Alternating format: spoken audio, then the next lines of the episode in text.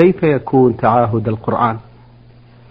الحمد لله رب العالمين وأصلي وأسلم على نبينا محمد وعلى آله وصحبه ومن تبعهم بإحسان إلى يوم الدين.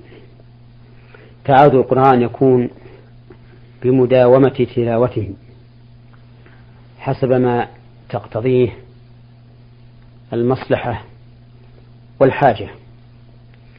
فقد يكون الإنسان ضعيفا في حفظه لكتاب الله وهذا نقول له أكثر من تلاوته ومعاهدته لئلا يضيع منه شيء.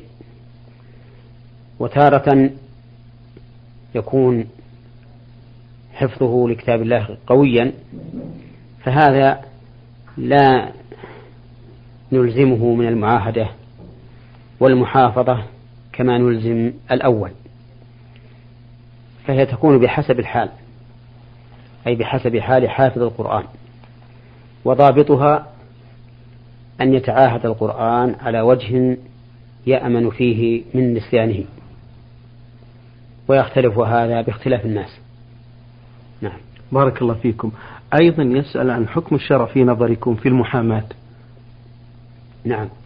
المحاماة وهي المدافعة عن صاحب الحق. لا بأس بها في الأصل. فهي من قسم الوكالات الجائزة إلا أنها أحيانا تجب وأحيانا تحرم. فتجب المحاماة إذا كان لا يمكن استخلاص الحق لصاحب الحق إلا بها. فإن أخاك المسلم إذا استنجدك للمحافظة على ماله ودفاع أهل الظلم عنه كان من حقه عليك أن تعينه في هذا الشيء. وتكون محرمة إذا كان الإنسان يحامي لغيره في إثبات باطل أو إنكار حق. فإذا كان الإنسان قد جعل مهنة المحاماة وسيلة لإرضاء من وكله سواء كان محقا أو مبطلا فإن الدخول فيها حرام. أما إذا دخل من أجل نصرة الحق ورد المظالم إلى أهلها فإن فإنه لا بأس بها بل قد تكون واجبة أو مندوبة بحسب ما تقتضيه الحاجة والمصلحة. نعم. بارك الله فيكم. هذه المستمعة من العراق بغداد رمزت لاسمها بخاء واو. تقول في هذا السؤال فضيلة الشيخ تذكر بأنها تصلي الرواتب وتحمد الله على ذلك وتقول لكن مشكلتي في في فصل الشتاء أصلي صلاة الظهر مع العصر وذلك لأنني موظفة ولا أستطيع تأدية الصلاة في محل عملي وكذلك لا أستطيع الخروج للبيت للصلاة لبعد المسافة فتكون صلاة الظهر والعصر في فترة متقاربة لقصر نهار الشتاء فكيف أصلي راتبة الظهر والعصر؟ هل أجمعهما قبل صلاة الفريضة أم ماذا؟ أرشدوني جزاكم الله خيرا. أقول إن وقت الظهر يمتد إلى دخول وقت العصر فليس بينهما مسافة زمنية بل إذا خرج هذا دخل هذا وإذا علم هذا تبين أن الإنسان إذا صلى الظهر في آخر وقتها قريبا من العصر لم يكن جامعا بل هو مصلي للظهر في وقتها ومصلي للعصر في وقتها. وحينئذ نقول له إذا صليت الظهر فصلي الراتبة بعدها قبل أن تصلي العصر. لكن لو فرضنا أن الإنسان لا يمكن أن يصلي الظهر إلا بعد دخول وقت العصر واحتاج إلى أن يجمع بينها وبين العصر فلا حرج عليه. أن يجمع بينها وبين العصر. لما ثبت في صحيح مسلم عن ابن عباس رضي الله عنهما أن النبي صلى الله عليه وسلم جمع بين الظهر والعصر وبين المغرب والعشاء في المدينة من غير خوف ولا مطر. قالوا ما أراد إلى ذلك؟ قال أراد أي لا ألا يحرج أمته أي أن لا يلحقها الحرج والضيق. فيؤخذ من هذا الحديث أن الجمع إذا كان في تركه مشقة وحرج فإنه يكون جائزا. وهذه القاعدة داخلة في عموم قوله تعالى وما جعل عليكم في الدين من حرج. فلتنظر هذه السائلة. هل هي تصل إلى بيتها قبل دخول وقت العصر؟ فحينئذ تصلي الظهر في وقتها ولا تحتاج, تحتاج إلى الجمع. أو لا تصل إلى بيتها إلا بعد دخول وقت العصر فحينئذ تنوي الجمع. وإذا وصلت إلى بيتها جمعت بين الظهر والعصر. وتصلي الراتبة راتبة الظهر بين الظهر والعصر إن شاءت لأنه لا يضر الفصل بين المجموعتين إذا كان الجمع جمع تأخير. نعم. بارك الله فيكم. تقول عند الانتهاء من قراءة سورة الفاتحة والسورة التي تليها هل يجوز قول صدق الله العظيم؟ قول صدق الله العظيم بعد انتهاء التلاوة في الصلاة أو في غيرها بدعة.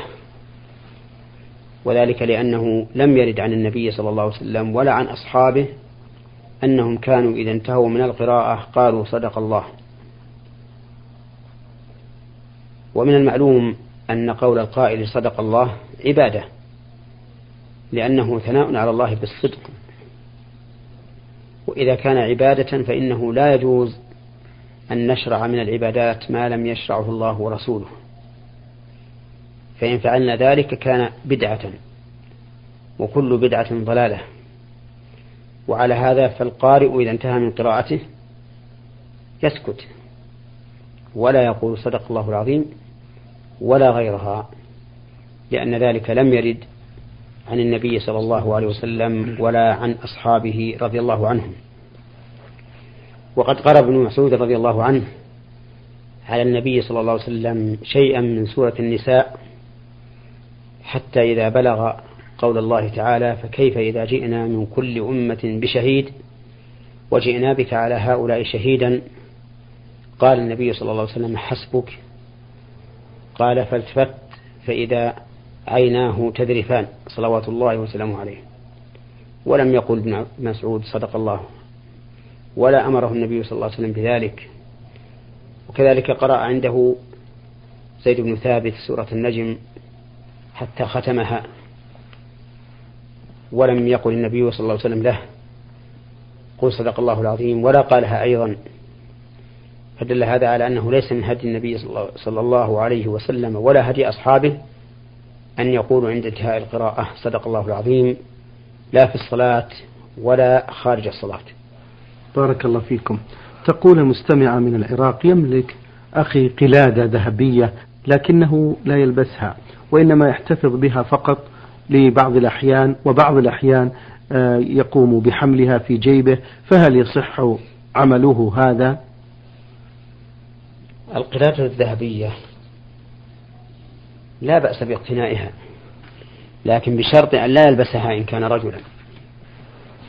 ويجوز ويجوز لبسها للمرأة. وإذا كان الرجل لا يلبس القلادة من الذهب فأي فائدة لأخيك أن يحملها أو يضعها في جيبه؟ أنا أخشى أنه يفعل ذلك من أجل أن يتبجح بها عند الناس حيث يخرجها أمامهم ويلعب بها في يده مثلا. وإلا فلا أظن عاقلا يحمل قلادة في جيبه من الذهب دون أن يصنع فيها شيئا. على كل حال إذا لم يلبسها ولم يخرجها مخرج الإعجاب والفخر فإن حمله إياها لا بأس به.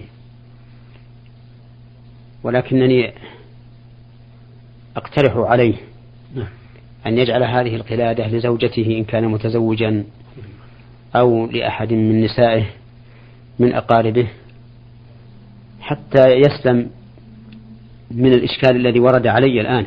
نعم. في كونه يحملها بدون أن يلبسها أو أن يخرجها في يده مخرج الإعجاب. نعم. بارك الله فيكم. تقول سمعت من بعض الناس بأن غطاء الرأس بالنسبة للنساء أثناء تأدية الصلاة يجب أن يكون أبيض اللون. أو من الألوان الفاتحة ولا يجوز أن يكون من الألوان الغامقة. فما حكم الشرع في نظركم بهذا الموضوع؟ هذا الذي سمعت من أن المرأة تلبس عند الصلاة خمارا أبيض أو فاتح اللون لا أصل له. بل إن المرأة تلبس خمارا على ما تعتاده في غير الصلاة. إن كان أبيض فأبيض وإن كان أسود فأسود ولبسها للأسود أحسن لأن الذي عليها لباس أسود وهو العباءة فتناسب الخمار مع اللباس الآخر أبعد من التبرج. وكلما كان أبعد من التبرج فهو أولى. نعم. في سؤال أخير للمستمعة من العراق تقول فضيلة الشيخ ما حكم من من يصوم شهر رمضان وهو لا يصلي وكذلك سمعت من الناس أن الصوم الأول من شهر محرم سنة فهل هذا صحيح؟ صوم رمضان لمن لا يصلي نعم. مردود عليه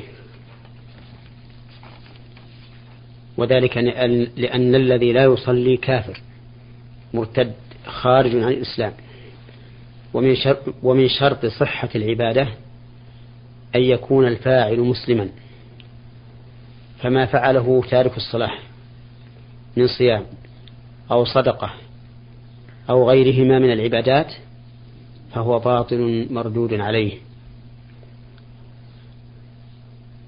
ولكن إذا من الله عليه بالإسلام ورجع فصلى فإن الله يثيبه على ما عمل من عمل الخير في حال كفره. لأن الله اشترط لحبوط العمل بالردة أن يموت الإنسان على ذلك.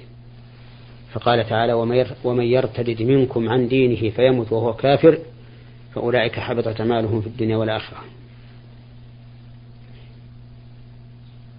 ولقول النبي صلى الله عليه وسلم أسلمت على ما أسلفت من خير. نعم. بارك الله فيكم. هذه مستمعة من الرياض أرسلت برسالة بها مجموعة من الأسئلة. تقول في السؤال الأول ما حكم من يكون عليه جنابة قبل وقت السحور؟ أي أثناء وقت السحور؟ ثم تسحر وبعد الأذان نوى الإمساك ثم ذهب ونام وهو لم يؤدي الصلاة ولم يغتسل من الجنابة ونام حتى المغرب. ولم يؤدي الصلاة ولم يغتسل. أفيدونا أفادكم الله علما بأن الزوجة قامت بأمره وهو مستيقظ ولم يسمع كلامها فأفتونا في هذا مأجورين. إذا كان هذا الرجل يدع الصلاة في هذا اليوم وفي غيره فإنه لا صيام له وصيامه باطل مردود عليه لأن الصيام لا يصح من كافر. وتارك الصلاة كافر كفرا أكبر مخرج مخرجا عن الملة وهو مرتد عن الإسلام إذا مات على هذه الحال فهو من أهل النار المخلدين فيها. الذين يحشرون مع فرعون وهامان وقارون وأبي بن خلف. أما إذا كان تركها في ذلك اليوم وحده وكان من عادته أن يصلي فلا شك أنه أتى إثما عظيما ولكنه لا يكفر بذلك وصيامه صحيح لأنه ليس من شرط الصيام الطهارة من الجنابة. نعم. تقول المستمعة نعم. نعم. ولهذا تفضل. لو أن الإنسان أصبح جنبا وهو صائم كان صومه صحيحا يعني لو أنه حصلت عليه جنابة في آخر الليل ثم تسحر ولم يغتسل إلا بعد طلوع الفجر فإن صيامه صحيح. ودليل ذلك قوله تعالى فالآن باشرهن وابتغوا ما كتب الله لكم وكلوا واشربوا حتى يتبين لكم الخيط الأبيض من الخيط الأسود من الفجر ثم أتموا الصيام إلى الليل. وهذا يقتضي أنه يجوز أن يجامع إلى أن يطلع الفجر ومن لازم ذلك أنه لن يغتسل إلا بعد طلوع الفجر. ولهذا كان النبي عليه الصلاة والسلام يصبح جنبا من أهله ثم يصوم. نعم. بارك الله فيكم. المستمعة تقول سمعنا من بعض الناس بأنه إذا أذن المؤذن لا يستحب على المرء أن يقوم إلى الصلاة إلا إذا قال حي على الفلاح حي حي على الفلاح فهل هذا صحيح؟ نعم بعض أهل العلم رحمهم الله قال إنه لا ينبغي القيام حين يسمع النداء حتى يقول جزءا من من الأذان. قالوا لأن هذا يشبه الشيطان إذا أدبر حين سماعه الأذان. فإن الشيطان إذا أدبر فإن الشيطان إذا سمع الأذان أدبر وله ضراط لشدة وقع ما سمعه على عليه. قال أهل العلم فلا ينبغي للإنسان أن يقوم من حين أن يسمع الأذان بل ينتظر حتى يكبر عدة تكبيرات. هكذا قال بعض أهل العلم وفي نفسي من هذا شيء. بارك الله فيكم. متى يمسك الإنسان عن الأكل والشرب؟ هل هو أثناء الأذان أم بعد الانتهاء؟ أرجو بهذا إفادة. الانتهاء عن عن الأكل والشرب للصائم معلق بطلوع الفجر. لا بالأذان. وذلك لأن النبي صلى الله عليه وسلم قال إن بلالا يؤذن بليل ليوقظ نائمكم ويرجع قائمكم فكلوا واشربوا حتى تسمعوا أذان ابن أم مكتوم فإنه لا يؤذن حتى يطلع الفجر. فإذا كان المؤذن لا يؤذن إلا إذا طلع الفجر فإن الواجب على الإنسان أن يمسك من حين أن يسمع الأذان. وأما إذا كان المؤذن يؤذن على حسب ساعته وما رسم له من تحديد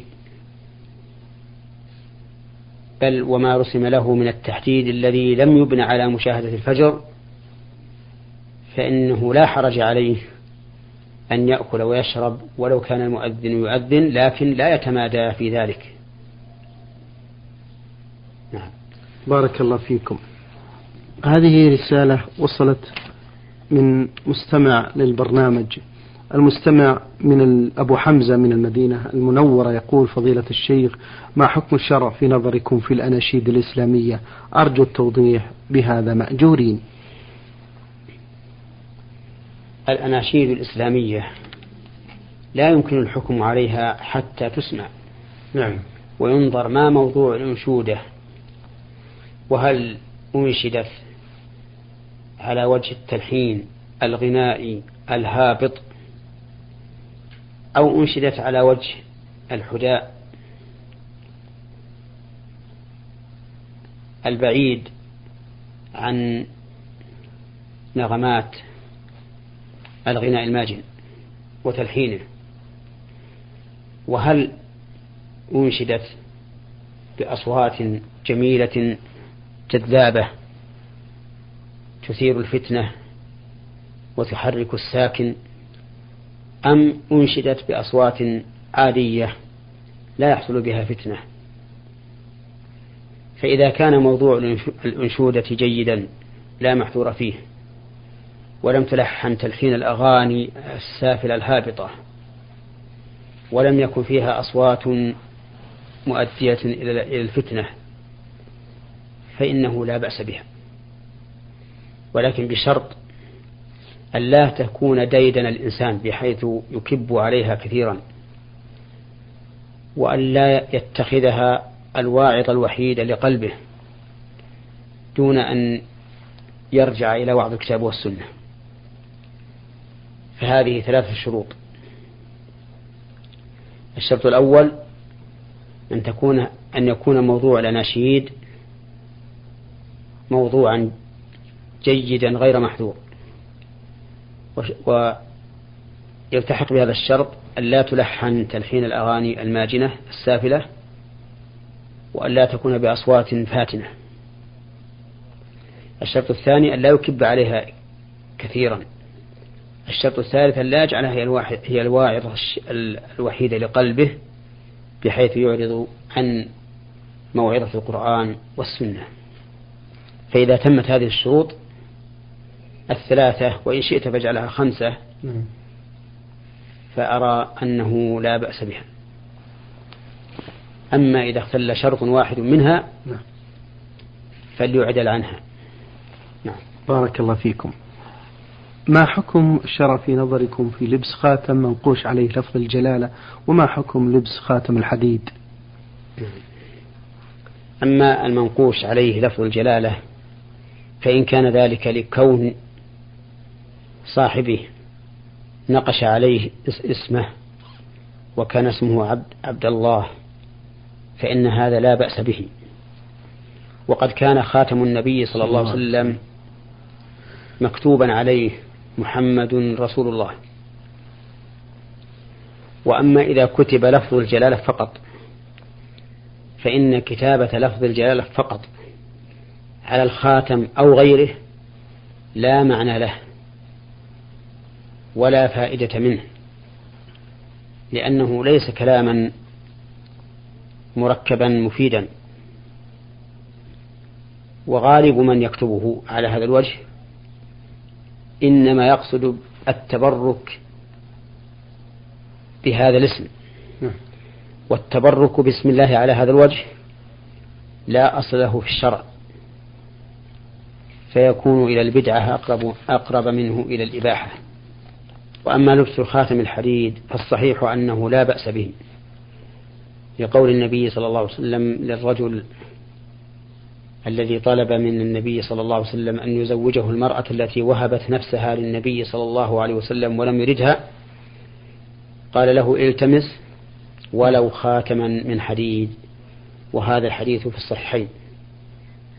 وأما ما ورد من أن الحديد لباس أهل النار فقد قال بعض العلماء إنه حديث شاذ فلا يقبل. بارك الله فيكم. المستمعة منار نون ألف جيم. تقول سمعت بأن المرأة الحائض عند سماعها الأذان لا يجوز لها أن تقول أشهد أن لا إله إلا الله وأشهد أن محمدا رسول الله. فهل هذا صحيح؟ هذا ليس بصحيح. فالمرأة الحائض والجنب يجوز لهما ذكر الله عز وجل. نعم. قالت عائشة رضي الله عنها كان النبي صلى الله, صلى الله عليه وسلم يذكر الله على كل أحيانه. وأما قراءة القرآن فهي للجنوب حرام حتى يغتسل. وأما الحائض فلها أن تقرأ القرآن من القرآن ما تحتاج إليه لتعليم أو تعلم أو تعاهد حفظ أو أوراد وأما ما لا تحتاج إليه فالأولى ألا تقرأه لأنه قد وردت أحاديث فيها مقال تدل على منع الحائض من القرآن. فمن أجل هذه الأحاديث نقول الأولى ألا تقرأ القرآن إلا ما دعت الحاجة إليه. نعم. بارك الله فيكم. تقول لي أخت متزوجة من رجل أبكم وأصم؟ فهل يجوز لي أنا وأمي وأخواتي أن نجلس ونأكل من طعام واحد معه؟ يجوز هذا بشرط أن تحتجب المرأة عنه لأن الأصم الأبكم يرى. نعم. فإذا كان يرى فإنه لا يجوز للمرأة أن تكشف وجهها إلا أن تكون من محارمه.